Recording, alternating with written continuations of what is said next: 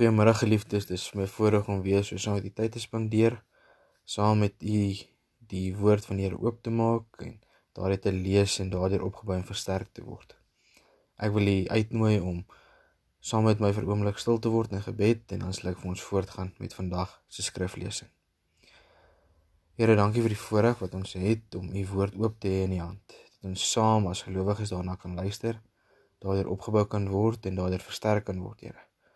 Kom spreek Uself met ons vanmiddag en kom gee dat ons U teenwoordigheid sal beleef en ervaar. Maak dit vir ons geseënd, Here, en gee dat ons daaruit sal leer. Ons bid en vra dit in U naam ontwil. Amen. Geliefdes, ek wil vanmiddag vir ons 'n gedeelte voorhou uit 1 Korintiërs hoofstuk 9 vers 24 tot vers 27. Ons lees saam: Weet julle nie dat die dat atlete wat aan 'n wedloop deelneem wel almal hardloop, maar dat net een die prys ontvang nie. Hardloop dan so dat jy die prys kan wen. Almal wat aan 'n wedstryd deelneem, ontsê hulle self allerlei dinge. Hulle doen dit om 'n verganklike oorwinnaarskroon te verkry, maar ons 'n on onverganklike. Ek hardloop dan ook soos een wat nie van sy doel onseker is nie. Ek slaan soos 'n bokser wat nie in die lug slaan nie maar ek oefen my liggaam en bring dit onder beheer sodat ek nie ander tot die stryd oproep en self nie kwalifiseer nie. Geliefdes, dit is ons skriflesing vir vanmiddag. As ons kyk na die gedeelte en veral dit wat vooraf gaan, dan gaan dit oor die rol van die apostel en dan spesifiek ten opsigte van die uitleef en die verkondiging van die evangelie van Jesus Christus. En dan kom Paulus en hy kom vergelyk dit hier met 'n atleet wat aan 'n wedloop deelneem. En ons weet dat wanneer iemand as atleet deelneem, dat daar baie vooraf geoefen en voorbereiding gedoen moet word sodat um, so 'n atleet suksesvol sal wees aan die deelname van so 'n wedloop. Geliefdes in ons geloofslewens is dit ook so dat ons onsself elke dag oefen en sterk maak en gereed maak om hierdie wedloop van die lewe volhardend uit te leef en tot die beste van ons vermoë daarin deel te neem.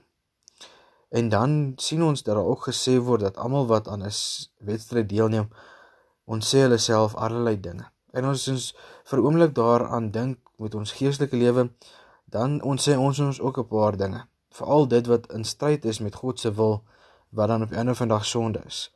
Dit is dit wat ons onsself ons sê en waarvan ons onsself wil weerhou. En dan word daar 'n oorwinnaarskroon geskets, verganklik en onverganklik. En met 'n wedstryd van die lewe, 'n atleet wat aan 'n wedloop deelneem, stel homself in om tog die wenstreep te bereik, maar die oorwinnaarskroon, die eerste plek is verganklik. Dit is iets wat kom en iets wat gaan. Maar dan word gesê ons is onverganklik. En as daar gepraat word van die oorwinnaarskroon wat onverganklik uh, is, dan gaan dit oor die ewige lewe.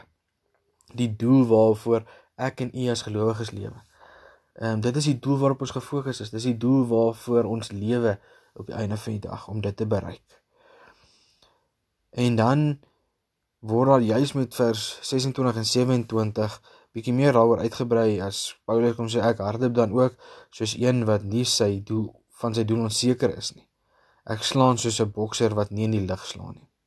Dit is iemand wat weet waarheen hy of sy op pad is, wat weet wat is die eindbestemming wat hulle graag sal wil bereik, wat doelgerig daaraan deelneem en weet dit is waar ek begin, dit is hoe ek moet vorder en dit is waar ek wil eindig.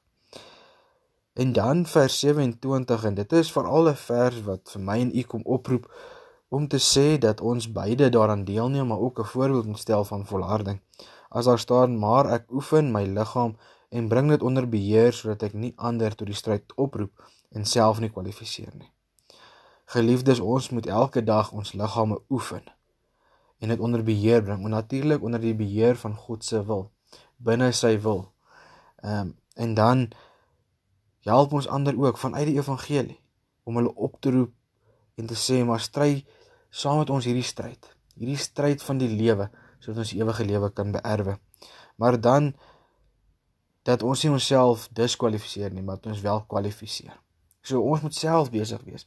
Self werk in onsself dat ons kan groei en kan weet wat die evangelie in die wil van God is terwyl ons ander oproep hierdie evangelie gaan verkondig aan ander. Geliefdes mag ons atlete wees van die lewe met die doel van die ewige lewe voor oë en mag ons terwyl ons dit doen Jesus Christus sy voorbeeld as die een voor oë hou wat vir ons reeds kom wys het wat dit is om binne die wil van God te lewe.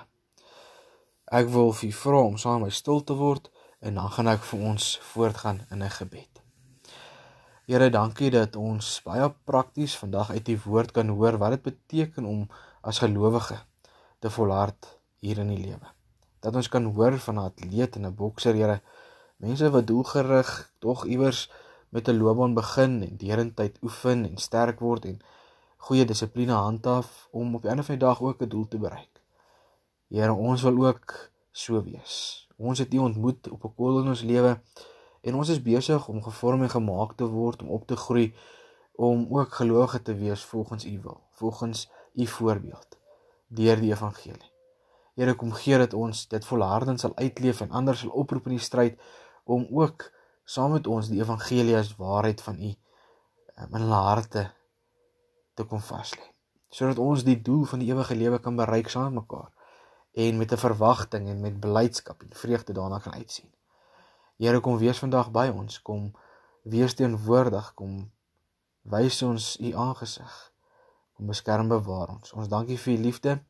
Dankie vir u genade en u seën op ons lewe. En ons bid dit alles in u naam alleen. Amen.